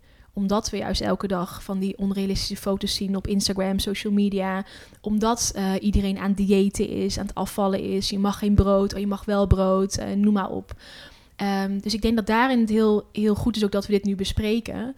Eh, maar ook daarin dus ook heel erg veel compassie en heel, weet je, echt kijken naar jezelf als mens die in evolvement is. Eh, hè, de ene keer eh, heb je misschien geen last van eh, avonden, avonden waarin je zakken met chips eh verslindt. En andere periodes, nou, doe je dat helemaal niet omdat je zo helemaal chill bent, weet je wel. En Mm. daar zit ook dus heel erg dat menselijke aspect in. Het is niet één rechte lijn. Het gaat, hè, het leven gaat gewoon met hobbels en super pieken, maar ook weer dalen en noem maar op. En, en dat ook dus niet vergeten. Dat Ja, we dus... En dat het zo functioneel is. Dat vond ik zo... het gedrag heeft een functie. zo een eye-opener in die Psychology of Eating, die coachopleiding, eh, een paar jaar terug heb gedaan, is bijvoorbeeld ook, oh, weet je wel, iets eten wat kraakt, wat lawaai maakt, chips bijvoorbeeld. eh, dat is een manier ook om agressie te kunnen kanaliseren. Want eigenlijk, je maakt heel veel lawaai in je mond, maar het is heel contained. Maar het is dus een manier om die agressie kwijt te raken. En nu ik dat weet, en nu een paar jaar later, en soms betrap ik mezelf erop dat ik, de, waar ik s'avonds zin in heb, heel erg ook is welke emotie er dan nog weg moet vloeien, zeg maar. De chips maakt me, hè, laat dat weg hebben. En bijvoorbeeld eh, eh, zo'n dikke bodempizza, weet je wel, echt de allerslechtste die er bestaan. Een dikke carbbom. Dan denk ik, oh ja, dat is als ik echt die rust zoek. Ja. En dan maakt het ook weer een beetje een soort van spelletje en wat luchtiger. Zo van, oh ja, dit, dat, ik vind dat wel grappig Ja. om te weten dat dat zo... En het, en het doet wel iets heel moois dan. Want het, kijk, het is dus ook, dat heb ik destijds ook wel geleerd zo te zien. Want ik werd na een paar jaar nog steeds wel eens, als ik mezelf erop betrap dat ik te veel over wil werken bijvoorbeeld. Oh, ben ik hier nou nog? Weet Ja, je, heb ik ja. weer te hard gewerkt? Ben ik weer dat ik me zo moe voel? Het is vaak een teken. Het is een signaal. Dus als ik in die groef weer beland, de naald zeg maar weer in die groef valt, dan is dat een signaal dat ik ergens bang voor ben, Mm. bijvoorbeeld. Of dat ik onzeker ben, dat er eh, iets aan het gebeuren is waardoor ik heel erg, nou, geen vaste grond onder mijn voeten voel of zo. Misschien is er wel iets met mijn relatie, weet je wel, dat ik dat juist soort controle ga zoeken in werk. En ik denk dat het met eten ook zo kan gelden. Je zou kunnen kijken, en heel veel mensen die hiermee worstelen, en daar wil ik graag nog wat over zeggen, want ik die focustrainingen die ik geef, of die productiviteitstrainingen, bijna iedereen heeft als nummer één ehm, procrastination habit. Zeg maar, wat ga je doen als je eigenlijk van jezelf dat ene blog moet schrijven, of je website moet doen, of eh, je administratie moet doen, maar je zit er tegenop te hikken, of nog erger, dat ene idee uitwerken, maar je weet niet hoe. Eten. Dus zoveel, weet je, het kan ook gewoon een, dat geeft ook onrust. En dan geeft eten afleiding, verdoving, zeg maar, zoals drugs dat ook zou doen. Maar eten is de hele tijd voorhanden. Dus wat ik heb geleerd, als ik daar met mensen over praat, maar ook als ik naar mijn eigen overwerkneiging krijg, kijk, is om, ja, bijna, ik wil niet zeggen dankbaar, want dat, dat wordt heel vervelend, maar wel een soort van, aha, dit is aan de hand. Ja, Dus, waar duidt dit op of zo? En dan betekent het bij mij altijd grip op controle. Dus als ik ga overwerken, dan zit ik in een soort, dan wil ik ergens controle op hebben. Ja, ja. Dan mag Ga je daar voor jezelf ook werken. naast van, oké, en wat Ja. kan dat dan nu dus zijn? Ja. En, en wat doe je dan? Nou ja, bij mezelf, eh, ik heb inmiddels wel een paar dingen ehm, ontwikkeld of zo. Waarvan ik weet dat ze me kunnen helpen op zo'n moment. Dus het kan, kijk, bij mij kan het zijn als ik ga overwerken, kan het of zijn dat ik, dat ik te veel voel schuiven. Dus dan kan ik mezelf helpen door. Ik heb wel eens serieus, omdat ik zoveel reis voor mijn onderzoek, dat ik nog, weet je wel, duizend tickets moet boeken. Nergens nog een hotel voor is geregeld. Me, zit ik met mijn schema te wachten op mijn onderzoeksteam, wanneer zij dan kunnen. En dan heb ik ook nog met een vriendin iets staan, maar ik weet niet of dat door kan gaan. Dan wordt het te veel blijkbaar om in mijn hoofd los te kunnen hebben. En dan helpt het soms gewoon om even een half dagje te gaan plannen. Zo van, oké, ik ga nu gewoon ja of nee zeggen tegen die lezing, lezingen. Ik ga die reizen gewoon boeken voor mezelf. Of ik laat dat doen. Ehm, als ik een assistent heb die daarmee helpt. Of weet je wel, maar ik ga gewoon zorgen dat ik over twee uur wat meer vastigheid heb. Dat ik, dat ik beslissingen heb gemaakt. Er staan er niet zoveel hokjes open. Dat kan al een soort gevoel van: oké, weet je, ik hoef niet meer zoveel na te denken zijn. Soms is het ehm, dat ik bijna te moe ben, dat ik te hard heb gewerkt, waardoor ik erin wil blijven, omdat ik. Ja, dan is een warm bad eigenlijk een betere oplossing, weet je wel? Of het uiten tegen je partner. Zo van, joh, ik merk dat ik gewoon heel erg in de overdrive sta. Ik kom even niet lekker in mijn lichaam, want ik sta aan. En dan helpt het als iemand me mee gaat helpen Grappig denken. dat jij, je hebt het steeds over overwerken. Dat is een modus waar ik heel, ook heel erg in zit. En eten is dan juist zo van bijna de default modus om dan weer terug te trekken. Ja, tegenwoordig is het dus forest bathing. Oh ja. ja. Mi- Mindful forest bathing. Of high, kan natuurlijk ook. Alle twee. Alle drie. ja. Doe jij dat eigenlijk nog wel eens? Heb Ja. jij wel eens iets dat je denkt van... eh, ik heb wel eens een eetbui, of maar die noem je misschien niet zo, maar... Ja. Eh, nou, die heb ik wel gehad. Dus ik heb wel, ik kom natuurlijk ook van de eetstoornis af, een verleden daarin. En ik denk dat ik, ehm, ja, toch wel, ik weet niet zo goed wat er is gebeurd, maar er is wel iets gebeurd tussen afgelopen zomer en december, een beetje eind 2019. Zijn er gewoon echt wat dingen echt intern in mij gebeurd door het werk wat ik doe, ehm, waardoor ik dat dus helemaal niet heb, niet meer heb. Dus ik kan nu ook gewoon makkelijk chocolade eten als ik dat wil. Eh, alsof mijn lichaam veel beter daarop voel, stuurt en voelt van eh, wat heeft het nodig of net wat. En dan stop je weer, zeg maar, naar zoveel kan heel makkelijk stoppen. Kan een hele reep met twee blokjes afgebroken. kan een hele week in, de, in, in het kastje liggen. Ik kan hem ook soms voor de helft opeten. En er zit, er zit helemaal geen gevoel meer aan. En waar het bij mij heel erg mee te maken heeft, denk ik, is echt een, ehm, ja, een bepaalde rust hebben. Dus een bepaalde baseline van rust, hè, waarin ik dus hè, die lantefanten momenten heb, eh, momenten dat ik kan koken. Dus heel veel dingen doe waar ik heel veel voldoening uit haal. Ehm, en dat daarin dus ook heel erg die motivatie komt om gewoon te luisteren naar mijn lichaam. Ja. Maar goed, dan ik ben, eh, even kijken, in, ja, bijna tien jaar geleden ben ik aan de slag gegaan met het herstellen van mijn eetstoornis. Dus dat heeft wel bijna tien jaar geduurd voordat ik nu op zo'n rustmoment ben. En eh, nou, ik werk dus met ACT. En ik denk dat ACT daar ook zeker aan heeft bijgedragen. Hè? Want ik heb me daarin ingelezen. En het voelt echt als een soort van thuiskomen. Dat ik dacht, wow, er is gewoon een naam voor, voor Ja. dit allemaal. Wat ik gewoon al een aantal jaren, zeg maar, gewoon leef en noem maar Ja, op. ja. En ehm, ik kan steeds beter met onrust zijn. Dus als ik onrust ervaar, waar voorheen dus ook mijn mechanisme zat, ga maar eten, eh, binge of net wat, eh, doe iets, ehm, is het nu dus heel erg kijken van, hey, er is een onrust in mij.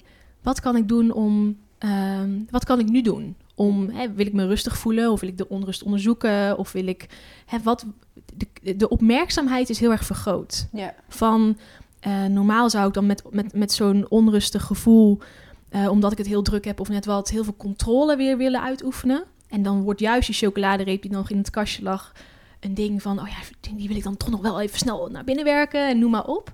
Eh, maar nu is het veel meer dus ehm, wanneer ik het dus echt opmerk dat er een onrust zit en een, een soort van controle zich wil eh, manifesteren. Erg, oké, wacht, terug naar de. Waar zit het in mijn lichaam? Mm. Waar voel ik die onrust? En soms zit het bij mijn keel, omdat ik letterlijk gewoon een woordenwisseling heb gehad met iemand. En een voel van, ja, ik wil daar gewoon nog iets over kwijt. Wil ik dat dan via schrift doen? Wil ik gewoon voor mezelf dingen, hè, dus journalen of net wat? Maar ik, ik, er zit een, een bepaalde mate van opmerkzaamheid. En dus doordat ik opmerkzaam ben, waar zit ik ergens op dat spectrum? Welke keuze kan ik dan maken om hiermee om te gaan? Ja. Hè, en soms is het een heel bewust een keuze. Ik bedoel, ik had het laatst nog, ik had echt, dat was echt een heel mooi voorbeeld. Ik kwam erachter dat als ik aan het uitstellen ben, dus als ik eh, nog heel veel adviezen moet uitwerken, iets wat ik nu niet meer doe, maar wat ik toen nog wel heel veel deed, dan eh, was het zo overweldigend in mijn hoofd van, oh, dat duurt echt nog een hele dag om eh, vier adviezen uit te werken. Terwijl in de realiteit is het geen hele dag, maar in mijn hoofd wel. En dan ging ik uitstelgedrag vertonen door op YouTube of op, eh, nou ja, ik ging gewoon filmpjes kijken. En op een gegeven moment werd- ik me van bewust van, maar wat, wat voor informatie stop ik nu eigenlijk in mijn hoofd? Oh, wacht. Er zit, een zit een ongemak in, want ik wil gewoon niet aan die adviezen beginnen. Hmm, ik ben nu YouTube-films aan het kijken omdat ik dat ongemak wil wegpoetsen. Mm. Hm, wat kan ik doen? En hoe zal ik me voelen als ik wel al bijvoorbeeld twee adviezen ga uitwerken? Dus er zit een hele soort van nieuwe beslisboom in mijn systeem, waardoor ik dus eh, misschien maar één advies ga uitwerken. Ja. Of misschien ga ik niks doen, ga ik gewoon even koken, maar ik ga geen YouTube-films meer kijken. Weet je wel, er zit een soort van bewustwording in van, hé, hey, maar wat voedt mij dan op dat moment? Wat kan ik dan doen, zodat ik misschien nog wel met die onrust een beetje leer dealen, maar tegelijkertijd ook weer iets doe waar ik heel veel voldoening uit haal. Hè, waardoor ik ook echt eh, ja, die dag toch nog wel een beetje op een fijne manier afsluit of zo. Er zijn twee, eh, twee voorgaande eh, podcastgesprekken of podcastgasten die steeds aandacht willen.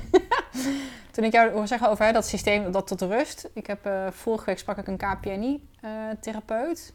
de meeste mensen weten niet wat het is, maar klinisch, jij waarschijnlijk jullie wel, maar klinische psychoneuroimmunologie. Hij zegt, hij maakt een grapje. Hij zei, ik kan ook nog veel meer eh, dingen bijzetten. Ja. Want ik kijk nu ook naar sociaal-economische factoren Ja, en endocrine Ja. systeem. En maar zo, op feestjes is het heel erg leuk om te vertellen wat ik doe. maar ehm, ik vroeg aan hem wat de relatie was tussen weet je wel, het trauma, stressgevoelig systeem, maar bijvoorbeeld ook verslaving en depressie en ADHD. Nou, verslaving, eetverslaving, werkverslaving. Eh, hij heeft- Eetverslaving, Ik, ja. eh, check, check, check, check. er staan nog meer labeltjes die je op me kan plakken. En jij zei het ook, van als je, dat, als je stationair loopt eigenlijk, of als je helemaal tot rust kan komen, dat systeem rustig is, ehm, dan heb je dat verdovende, dat soothing, eigenlijk ook niet meer nodig. Eh, en dat was echt zo, oh ja, oké, oké, oké. Dus, en nu snap ik dat ook wat meer. En nu kan ik ook mezelf meer toestaan, oké, ik heb gewoon een systeem wat vroeger heel veel stress heeft gehad, heel lang. Dat loopt eigenlijk niet eigenlijk nooit helemaal stil. Of dat loopt altijd een beetje stationair door te draaien. Dat lekt altijd wat energie weg. Waardoor ik altijd die countermeasures nodig heb om dat gewoon stil, tot stilstand te brengen. dacht ik, ah ja. En ik hoor jou nu eigenlijk gewoon hetzelfde zeggen, van, in andere woorden, maar wel hetzelfde ding. Van hé, hey, tot rust komen. Ja, ja eh, Peter Levine, Peter Levine van eh Somatische Experience Therapy. De, dus eigenlijk de, die, die schrijft daar dus ook over van... Ja, er zit gewoon een bepaalde opbouw in van een beetje stress en dan een beetje meer dit. En op een gegeven moment word je ook heel erg angstig en er zit een hele opbouw in. En daarna kan dat dus weer, weer afzwakken. Maar bij heel veel mensen blijft dan toch nog op een bepaalde ja, laag toch nog heel erg aanstaan. Ja. Dus het, wat ik zei, voor mij heeft het meer dan tien jaar geduurd om eindelijk nu soort van die, die rust ook te voelen. Dus die voldaanheid. Want het, het gaat voor mij ook echt om een voldaan gevoel hebben. Gewoon echt in mij. En het is niet mijn maag die voldaan is, maar gewoon heel mijn systeem kan gewoon naar een reep chocolade. Terwijl chocolade was altijd mijn go-to. En, en minis, minis en dat soort dingen. Nou, die heb ik zoveel van gegeten. Maar er zit een soort van zit een, een, een verzadiging in op een heel bazaal niveau. Echt, een heel, ja, echt die rust. Waardoor als ik dat nu zie, ik kan zo goed voelen, wil ik dat nu of niet? Terwijl voorheen moest ik het. Dat was niet eens een vraag. Ik Ja. moest het. Sowieso één. Misschien wel twee, misschien wel eh, stiekem en dan nog twintig erbij. Eh, maar Pieter Levine die, die, die, die laat het ook heel erg zien dat, dat, dat dan ook echt die baseline weer is bereikt in het zijn, dus in het rustig zijn. En vanuit daar kun je dus ook heel makkelijk tussen haakjes die keuzes maken wat je op dat moment doet. Want je kan die kant op gaan of die kant op gaan. Ja, en wat mij ook altijd opvalt bij al dat soort verslavingsachtige dingen of um, ja, gewoonten waar je in blijft zitten, terwijl je eigenlijk merkt ze zijn niet per se goed voor me, is dat ze altijd te maken hebben met schaarste of met angst. En bij eten vind ik dat eigenlijk misschien nog wel het makkelijkst uit te leggen of aan te voelen. Het is een soort op het moment dat jij naar chocola kijkt en je zou heel erg weten, ik mag dit morgen ook. Dit is niet de laatste keer dat ik dit mag. Ik mag dit vanmiddag nog. Ik zou dit morgen nog mogen. Ik mag dit nog de rest van mijn leven, elke dag. Wil ik het nog steeds nu? Dat is een heel ander uitgangspunt dan wanneer je en wat je zeker hebt als mensen niet zoveel van zichzelf mogen overdag bijvoorbeeld. Dat merk je heel vaak, dat mensen overdag heel netjes aan een dieet proberen te houden en dan s'avonds ineens losgaan, weet je wel. Dan is het s'avonds ineens alsnog, vlak voordat je naar bed gaat, voor het keukenkastje, hoppakee. Mm. Nooit gedaan. Geen idee waar het over hebt. daar, daar zit, weet je wel, dan reageert dat lichaam, want het mm. mocht de hele tijd niks. En nu pakt het dan eigenlijk wat het pakken wil, weet je wel. En dan moet inderdaad die hele reep op, of moet alles op wat daar is. En dat wordt heel anders als je er een hele diepe overtuiging bij kan laten dat het altijd zou mogen, maar dat het wel een keuze is.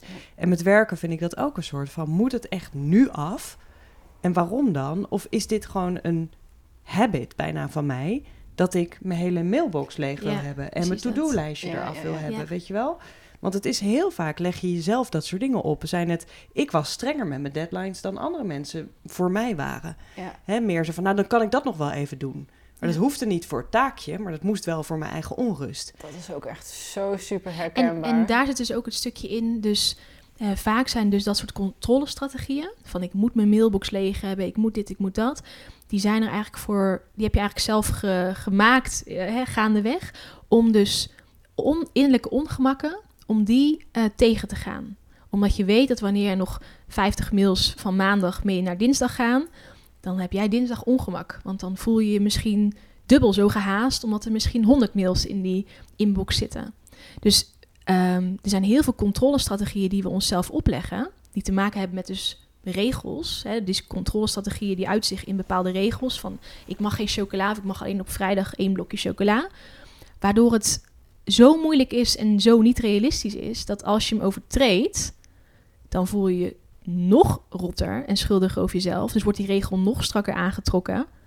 Um, waardoor, ja, op een gegeven moment zit je gewoon helemaal vast met tie rips en kun je gewoon, ja, is er van een, hè, iemand die vanuit de essentie beweegt en, en heenbeweging maakt naar een voldaan leven, is geen sprake meer. Want je zit helemaal vast in het doen om onrust te voorkomen of ongemakken te voorkomen en noem maar op. Weet je wat ik op een gegeven moment merkte? Omdat ik deed natuurlijk veel veldwerk en dan was ik in gebieden waar ik eigenlijk helemaal zonder agenda en zonder tijd leefde. Want je gaat niet in een jagersdorp in Groenland zeggen, hey, kan ik je woensdagmiddag om twee uur interviewen, weet je wel? Nee, dat ging hem niet worden. Want niemand had namelijk een agenda. Mensen konden niet schrijven vaak, weet je wel. Ging hem niet worden. Dus wat je deed was meer gewoon, ja, op dat tijdstip liep ik dan naar zo'n huisje en dan keek ik of ze thuis waren. En dan wisten ze zelf ook nog niet. Het lag er namelijk aan of de zon scheen mm, of niet, of dat de wind lag of niet. Dus na zo'n periode was ik eigenlijk. Ehm, en daar was het extreem, want de zon ging ook niet onder een bepaalde periode. En, of kwam juist niet op in een andere periode. Dus mensen leefden totaal op: heb ik honger? Wil ik slapen? Ehm, is er licht genoeg om te kunnen jagen? Nou, dan ga je daar vanzelf ook steeds meer op leven. En dan kwam ik thuis en dan had ik eigenlijk moeite om weer te groeien in juist wel dat agenda leven. En toch merkte ik dan dat ik binnen een paar weken was ik weer gewend aan. En nou komt er iets heel bizars, of ik heb dat althans zelf altijd heel bizar gevonden. Ehm, zullen we avondeten? Nee, want het is nog zo vroeg. Ja, of, oh ja. we moeten zo wel avondeten, want het is al acht uur. Weet je wel, dat heeft iets heel... Dat, dat doen wij. Kijk, en als je een kind hebt, uh, dan is dat best wel fijn. Want in onze westerse samenleving is het nou eenmaal fijn om iets van structuur te kunnen bieden omdat zo'n kindje de volgende dag weer naar school gaat en die wil ook graag slapen en jullie moeten weer naar je werk, et cetera. Maar voor mezelf was het eigenlijk niet nodig. En dus dan merk je wel wat we de hele dag doen. Dat je eigenlijk jezelf de hele dag aan het afleren bent om te voelen ja. Wat voor werk past het beste bij de um, energielevel wat ik nu heb Heb ik op dit moment honger? Ja. Heb ik zin om te slapen? Heb ik zin om te rusten? Heb ik zin om een paar uur even gewoon te laten komen? Weet je wel, dat, dat kennen we eigenlijk helemaal niet meer, want je agenda staat gewoon vol. Ja. En je hebt stiekem best wel vaak ideeën over hoe laat je wil slapen, eten. Ik zeg niet dat het slecht is. Ik zeg wel dat het daardoor moeilijker wordt soms om contact te maken met je lichaam en te voelen wat dat aangeeft. En als je dat wel leert doen, dan ga je eerder werken op een manier die heel erg past bij die staat van zijn. Of eten of rusten. Weet je? Ja, ja en dat is, ook, dat is ook een stukje ruimte innemen. Ja. Dus ook daarin, eh, ik denk dat die structuur supergoed is. Die hebben wij ook. Maar ook daarin dus durven aangeven als je een keer niet voelt... Ja. dat je een heel avondeten, avondmaaltijd op wil. Omdat je gewoon, nou ja, dat voel je gewoon op dat moment niet. Dat het ook oké is om een boterham met pindakaas te eten. Ja, maar vaak zit daar dus zoveel conditionering en zoveel regels van onszelf in. Oh, we moeten dit eten, we moeten dat eten, we moeten ontbijten. Nee, weet je, ieder lichaam is daarin uniek. En ieder lichaam die float ook weer gedurende de maand en het jaar op een, op een ander soort ritme. En dus dat ritme ontdekken, dat is, dat is ook een mooie en krachtige weg om dat af te leggen. Een van de, de grootste realisaties van de afgelopen weken. Want ik, ben, ik heb mezelf bijna een soort van over de kop ge- gewerkt. ik moest echt even, maar ook in de, uit enthousiasme. En alles floot en alles Ja. is geweldig, weet je wel. Ook als je helemaal in je missie zit, kan je alsnog te hard gaan. Het was heel, eh, het was heel gek, want Michel zei... Ja, maar je geeft zelfweerstrainingen. Wij leren toch mensen om met die overwelm om te gaan. Hoe kan je nou zelf... Je, op dat, je weet toch goed allemaal hoe het werkt? En dat was echt zo wow, ik had het gewoon niet in de gaten. Ik wist dat zeg maar eten een manier was om eh, uit te schakelen. Maar blijkbaar mezelf helemaal vol plannen met weliswaar allemaal mooie dingen, maar wel helemaal vol plannen.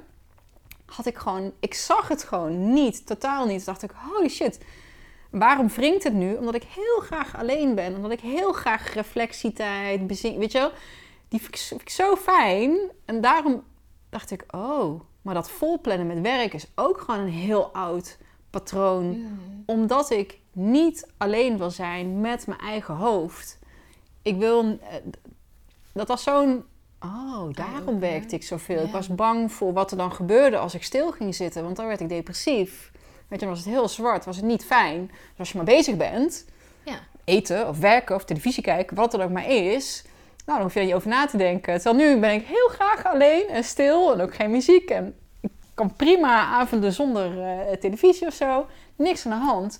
Maar blijkbaar had ik nog wel echt een gigantische Ja. blinde vlek voor dat harde werken. En waarom ik dat in hemelsnaam deed. Nou ja, maar dat vind ik ook altijd wel interessant. Want je weet je, met het imposter syndroom is wat er ook achter zit, is een soort van assumptie van als ik ergens les over geef of als ik me ergens mee bezighoud publiekelijk, dan moet ik dus blijkbaar daar helemaal on top of the ladder staan. Weet je wel, dan moet ik het helemaal nail dit.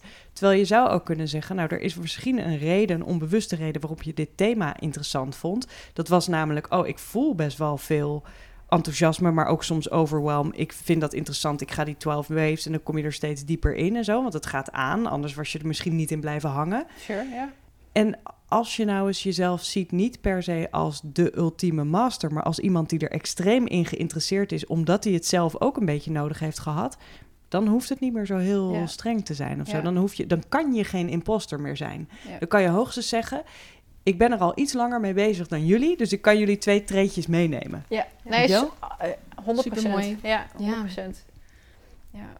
Grappig hè, dat er nog zoveel eh, dingen gewoon hiding in plain sight. Dus dat ik mijn agenda vol plande. Het was echt een blinde vlek. Gewoon niet zien. Zo Ja. raar. Eigenlijk.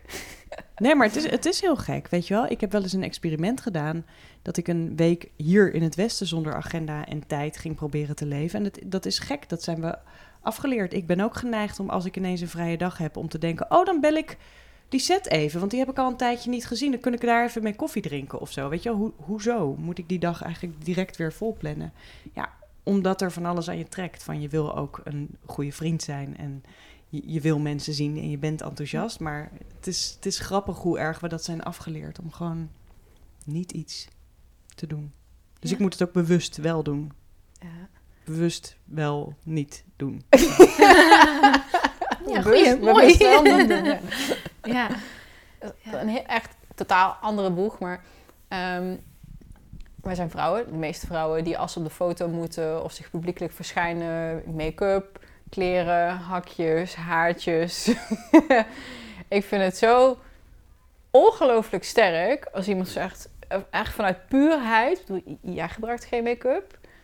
Jij Heel eigenlijk af en toe niet. wel. ja, ja, eh, maar echt als je vergelijkt naar sommige, Ja. weet je wel, eh, een influencer of, een, of iemand die een talkshow host of Mm. whatever op televisie, mainstream media, word je in de schmink gezet. Punt. Als je in de schijnwerper staat, word je in de schmink gezet. Wij creëren onze eigen schijnwerpers en we mogen zelf bepalen hoe we daarop uitzien. Hoe is jullie relatie daartoe? Is dat een bewuste keuze? Ben je daar mee bezig geweest? Dus gewoon, nee, dat is gewoon altijd al hoe ik het wilde of voor me zag. Ik denk daar wel heel vaak over na. Want ik draag eigenlijk van nature geen make-up.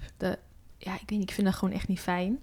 Vanda vanochtend had ik een fotoshoot en dan vind ik het super leuk om dan iets meer moeite te doen. Ehm, maar ik, het is dat ik in Amsterdam woon. Ik heb het idee dat, dat het ook wat meer misschien in de Randstad ook... eh, ja, dat lijkt wat meer te leven of zo.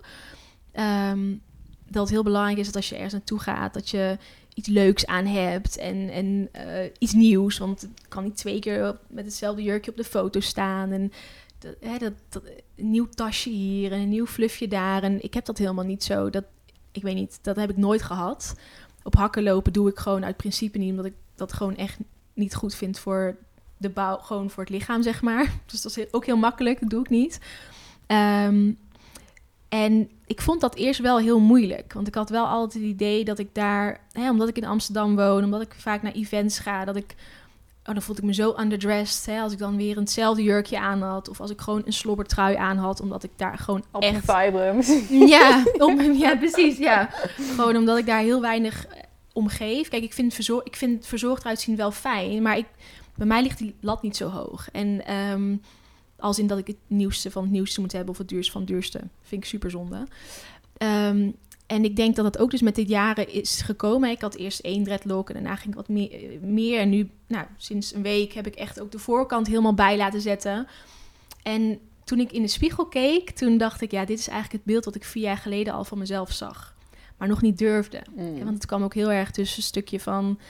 Ja, je wilt toch ook wel, ehm, nou ja, gewoon nog geaccepteerd worden. Ik weet nog dat mensen me mijn tattoo voor het eerst zagen. Dat ze dachten, wow, heb je daar een tattoo? En, dus ik was nog heel erg gevoelig voor die meningen van anderen. En ik kan nu wel echt zeggen dat in de laatste paar maanden... dat wel echt, ja, ik daar veel minder...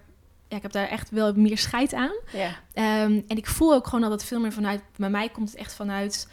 ehm, ja, gewoon echt heel erg vanuit mezelf. Weet je, ik denk dat je ook mij niet zo snel in een hoekje kan plaatsen... van welke kleren ik draag of welke ik niet draag.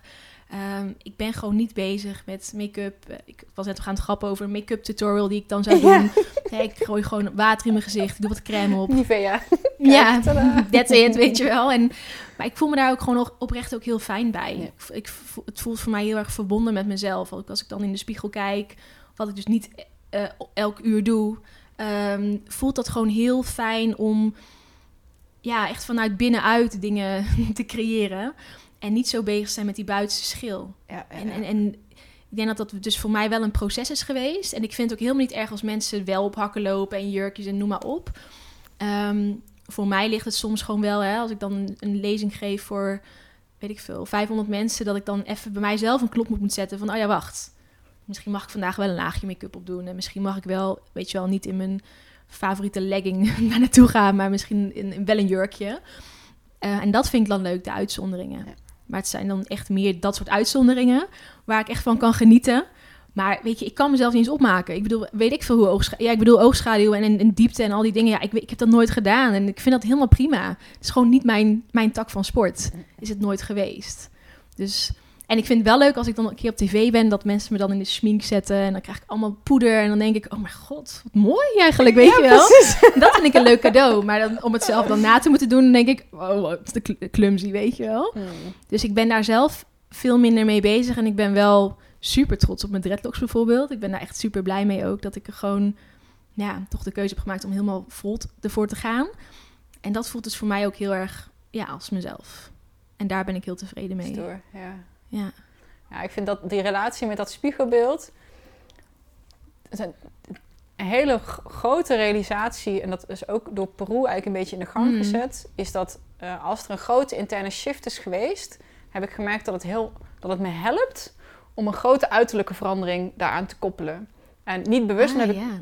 eigenlijk onbewust gedaan. Ik heb bijvoorbeeld eh, een tijd lang extensions gehad. Dus heb ik mijn haar zelf eh, lang... Ik had in Peru echt een beeld van... Oh, de type persoon die ik wilde zijn, hoe het eruit zag. En ik, ik zag helemaal gevisualiseerd. Dan was dus langer haar.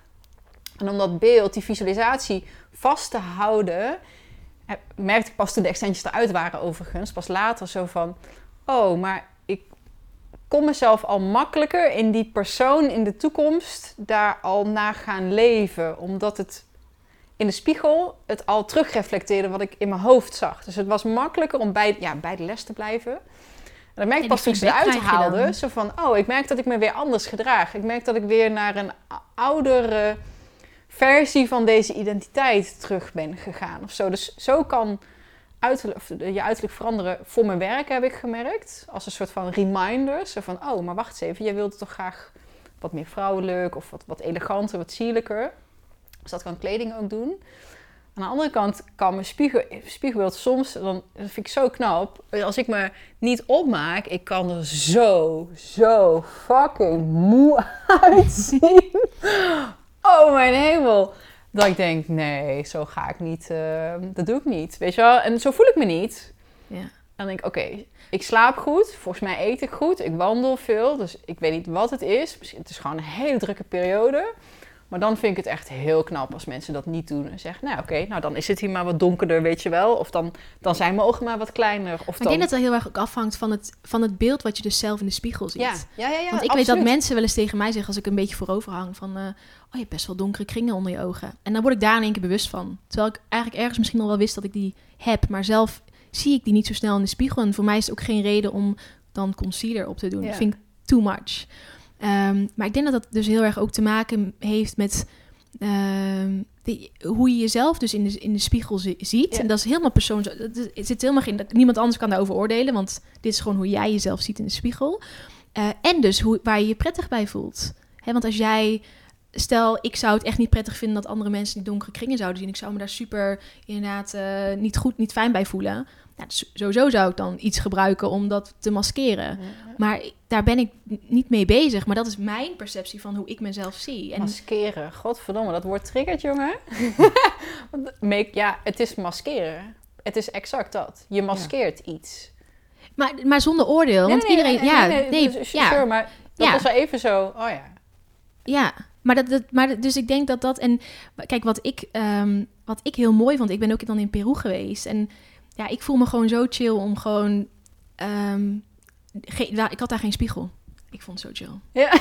Oh mijn god, ik, vond, ik voelde me daar helemaal op mijn gemak. Ik deed mijn haar gewoon zoals ik dacht dat het goed zat. En dan vroeg ik even aan de buurvrouw van... Hey, is het goed of niet? En, en gewoon zo. En dat voelde voor mij zo down to earth. En gewoon zo eh, lekker flowen. En gewoon whatever, de- gewoon de dag... eh, whatever the day brings, weet je wel. En dat gewoon lekker te doorstaan. Maar ik denk dat iedereen, elke vrouw is daar anders in. En ehm, ja, zolang je gewoon ook wel aan dat innerlijke werkt Hmm. denk ik dat, ja, dat dat gewoon ook uiteindelijk ook naar buiten weer spiegelt. Het is beide. Voor mij is het ook echt een, het creëren van een persona die ik wel ben, Ja, maar heel lang uit het oog verloren ben, eh, ben geweest. Dat, dat stukje vrouwelijkheid. En nu heb ik gewoon geen extensions meer. Ik heb, we eh, vinden je haar prachtig. Dank je, dank je. Ja, dat zeiden we al, hè? Ik heb eh, in 2015, denk ik, eerder, een borstvergroting eh, eh, gehad. Dat wil ik terug laten draaien. Ehm, wel laten opvullen met, met lichaamsvet. Want ik, ehm, ja, geen idee hoe dat er misschien uitziet. Maar in ieder geval geen implantaten meer, want dat is nu wel. Dus langzaamaan meer terug naar de kern, zeg maar. Gewoon ook dat schilletje. En dan tegelijkertijd denk ik, ja, maar het is ook... En er is ook helemaal niks mis mee om er mooi uit te willen zien voor jezelf. Want Precies. het geeft ook een... Nee, precies. Geeft ook een, het moet ook geen. Het mag niet, want je bent. eh, je bent spiritueel, whatever, dus je mag dan, of je bent zo met dat bezig, dus je mag geen make-up Ja, dragen. je Of bent toch helemaal senang Nee, met jezelf? Waarom ja. zou je dan mij zo mooi het, maken? eh, Volgens mij moet Ja. het, wat, wat ik er heel erg mee heb, kijk, ik, ja, ik heb geen make-up op, maar een beetje meer omdat ik er gewoon te lui voor ben en te onhandig voor ben. En het scheelt heel veel tijd en het scheelt heel veel energie en het scheelt heel veel geld. Ehm, dus, maar voorna- voornamelijk omdat als ik het zelf doe, wordt het er niet beter op. En inderdaad, als ik, als ik een eh, fotoshoot heb of op televisie, ja, dan wordt het voor me gedaan. Dus fijn, chill. Wat ik wel af en toe doe, en daar kan ik ongelooflijk van genieten, is stel dat ik met mijn lief uit eten ga, dan kan ik er heel erg van genieten om iets moois aan te trekken en om wel een beetje eh, lipstift op te doen Ja. of zo, weet je wel. En wat het dan doet, is in dat half uurtje waarmee ik dan aan het klooien ben over welk tru- truitje ik aan wil, voel ik me toch een partij sexy. Ja, en dan dat. doet het Ja. volgens mij wat Ja. het moet doen. Want het maakt, ik ben dan dus niet voor mijn gevoel iets aan het maskeren. Ik ben iets eruit aan het halen of zo. Ja, Of Zo iets dat. uit laten Dat voelt voor mij extensions, borstvergroting. Dat Precies. voelt als... Als het celebrative is, Ja. girl, doe het. Als het is een soort van shit, ik voel me hier. En dat heb ik ook wel eens. Ik bedoel, dat ja, jeetje. Weet je, ik heb een heel groot litteken eh, op mijn lichaam. Dat ik vroeger echt zo'n wilde bras was en avonturier was. En ik heb op een gegeven moment een trap van een paard gekregen. En daardoor moest mijn milt eruit. Nou, als je puber bent en je loopt over het strand en je hebt nog zo'n litteken. Er- komt een leeftijd waarop alle vrouwen een soort van keizersnedes hebben gehad. En denk je, oh really? Iedereen heeft littekens. Maar op die leeftijd denk je nog, Ja. "Ah, ik heb een litteken op mijn buik. Weet je wel, Ja. dat is niet super Mm. sexy. Dat doet pijn hoor, als mensen daar naar kijken. Dus ja, ik denk dat op dat moment was dat maskeren geweest ja. of zo. Ja, dus ik denk dat als we het gebruiken in diensten van jezelf om je nog zelfverzekerder Ja. te voelen, Ja. eh, dan is er helemaal niks To mis mee. celebrate. En ik vind sommige dingen ook heel leuk, weet je wel. Ik vind het, ehm, ja, als ik een... Ik stond vorig jaar op Lowlands, dan denk ik er ook even over na als ik moet optreden. Van, oh ja, ik- ik ga nu ook niet in mijn, in mijn, in mijn klimbroek, weet je wel. Ja. Nee, dat moet ik gewoon eventjes doen en dat vind ik dan ook leuk. Dat is ook super leuk. Ja, Gewoon dat, Hartstikke leuk. dat, dat proces aangaan. Maar ik heb Ja. wel, kijk, ik doe natuurlijk onderzoeksjournalistiek of onderzoek gewoon. En je wordt daar wel, kijk, ik denk dat ik wel een kritische denker ben. En dat is het vooral. De idee dat je elke dag een hele dure crème drie keer per dag op zou moeten smeren. Of elke dag je haar moet wassen. Of dat soort dingen. Dat is heel erg ingegeven vanuit commercialiteit. Dat is niet om vrouwen te helpen of zo, omdat we dat nodig hebben. Maar dat krijg je tegenwoordig wel aangeleerd. Dat je huid dat nodig zou hebben of Ja. zo. Terwijl dat dus niet klopt, weet je wel. En ik ben inmiddels wel terug naar iets wat er misschien heel bazaal uitziet. Maar wat, ja, gewoon echt zo'n een druppel amandelolie of een beetje kokosolie. En dat is wat ik het, Mhm. waar ik het mee Ja. doe. En zo'n pot kost 3 euro en daar doe ik dan twee maanden mee. Nou, wederom, dat scheelt een hoop geld. Maar het is, het is niet omdat ik mezelf iets wil ontzeggen. Het is meer dat ik voelde van, hou eens, er wordt je ook maar wat wijs gemaakt of zo. Mm. En dat helpt me dan niet. Weet je wel, dus dan doe ik iets waarvan ik denk, ja, dit voelt prettig, want anders voelt mijn huid droog. Maar dat is alles wat ik nodig heb of zo. Dus ik Ja. denk dat, dat dat misschien de kunst is. Dat je daar steeds een onderscheid probeert van. werkt dit voor mij op een leuke manier? Weet je wel? Geeft dit me meer een soort van spark in mijn dag? Cool. Wat jij hebt nu als een soort expressie Ja. met je dreads. En wat Ja. jij ook had met je haar. En wat ik af en toe misschien heb als ik me sexy maak voor een leuk etentje of zo. Weet je wel? Maar ja, Het de rest. gewoon, eh, je, je, het is, je- je mag daar ook gewoon... Het is je uithangbord. Het is Oh een man, het stukje is hartstikke creativiteit. Ja, Ja, ja, precies. precies. Superleuk. Ja. En het is superleuk. Ja. Ja. Kan het zijn. Ja. Behalve als ik 's ochtends gewoon mijn boek wil schrijven of Ja. zo, weet je wel. Dan ben ik bezig met kletsen en koffie zetten en... eh, Oh, soort thuis, dingen. jongen. Het- Als ik thuis, als ik lekker een dagje thuis mag werken, dan zit ik de hele dag in mijn pyjama en mijn badjas en mijn sloffen. en inderdaad, eh, I don't fucking care. Ja. Heerlijk. En zo ga ik ook gewoon naar de supermarkt. Ik heb ooit Ja. met een meisje in huis gewoond en die had, "Oh, ga je zo naar de supermarkt? Maar ik vind dan toch anders, zeg maar, als ik op een training geef of een podcast maak of whatever, dat je dan denk ik daar wel over na. Ja, maar ik denk dat dat, dat is ook super mooi. En ik denk, wat ik ook nog wilde toevoegen is ook... ehm, hè, als ik dan soms ook denk dat er van vrouwen ook wel veel verwacht... Of, hè, dat, misschien niet eens dat mannen dat van vrouwen verwachten... maar dat vrouwen dat een beetje van elkaar verwachten. Ja. Dat je er altijd helemaal tip-top uitziet. En dat je hè, eh, bij wijze van elke maand zoveel nieuwe items eh, aan je kast toevoegt... omdat dat dan in is en hip is en zo. En kijk, daar zie ik dan nog wel een soort van challenge, een, gewoon een collectieve challenge, waarin we dus ook echt wel verschil kunnen maken Mm. met ehm, het kiezen van. Ja. Maar dat ik dus ook wel denk dat daar nog wel een collectieve challenge ligt voor, zeker voor vrouwen, omdat we juist de kracht hebben om eh, nou, verschil te maken op het gebied van bijvoorbeeld mode en het gebied van koopgedrag en noem maar op. En hè, dat geven we dan ook weer door aan onze kinderen. En ik denk dat er nu, als je gewoon kijkt eh, hoeveel er gewinkeld wordt en bij wat voor ketens en noem maar op, dat daar echt nog wel kritischer naar gekeken mag worden. Want ook dat kan dus weer een vorm van verslaving zijn. Ja. Om een bepaalde onrust of een bepaald minder fijn gevoel over jezelf of hè, die, een innerlijk eh, ongemak. Om dat te verdoezelen door middel van extreem veel nieuwe items kopen, eh, noem maar op. Ja. Dus ik denk dat er is niks mis met ver- verzorgd zijn. Maar als het dus een manier is om bepaalde onrust te vermijden, ja, dan denk ik wel van daar zit dus nog een, een, een bepaalde eh, challenge eigenlijk in. Ja, en ik heb, ik heb dat bijvoorbeeld met kleding, heb ik ook wel vaker gezegd in lezingen van, ja, weet je, dan wordt er gezegd over een soort green, fair, eh, Conscious. sustainable, dus driedubbel gerecyclede spijkerbroek. Cradle to cradle. Denk ik, ja, dat is zo. Of je hebt gewoon één spijkerbroek in je kast, weet je wel. Of je koopt er tien die steeds nog beter zijn. Dan, dus Ja, ook ja. dat hele groene wordt natuurlijk gepromoot. En uiteindelijk geloof ik veel meer in consuminderen. Mm. Eh, dus Yes. je koopt een paar dingen waarvan je vindt dat ze je fucking fab staan. Mm. Of heel erg lekker zijn, zodat je er op een andere manier Ja. eh, blij van wordt, zeg maar. En dat is het dan. En dat geeft mij heel veel rust. En een laatste ding wat ik er nog bij wilde zeggen is... ik heb totaal losgele- losgelaten dat wij kunnen beoordelen hoe we er zelf uitzien. Want iedereen die wel eens verliefd is geweest op iemand anders of zo... die weet ze van... Weet je wel, na een paar jaar of na één jaar ga je iemand weer anders zien. En denk je van, oh ja, dat is eigenlijk wel een gek trekje in jouw gezicht. Dat kan je wat objectiever misschien zien. Of je gaat het anders zien. Of je krijgt bijna een hekel aan iemand omdat je er... Maar dat eerste jaar vind je iemand beeldschoon.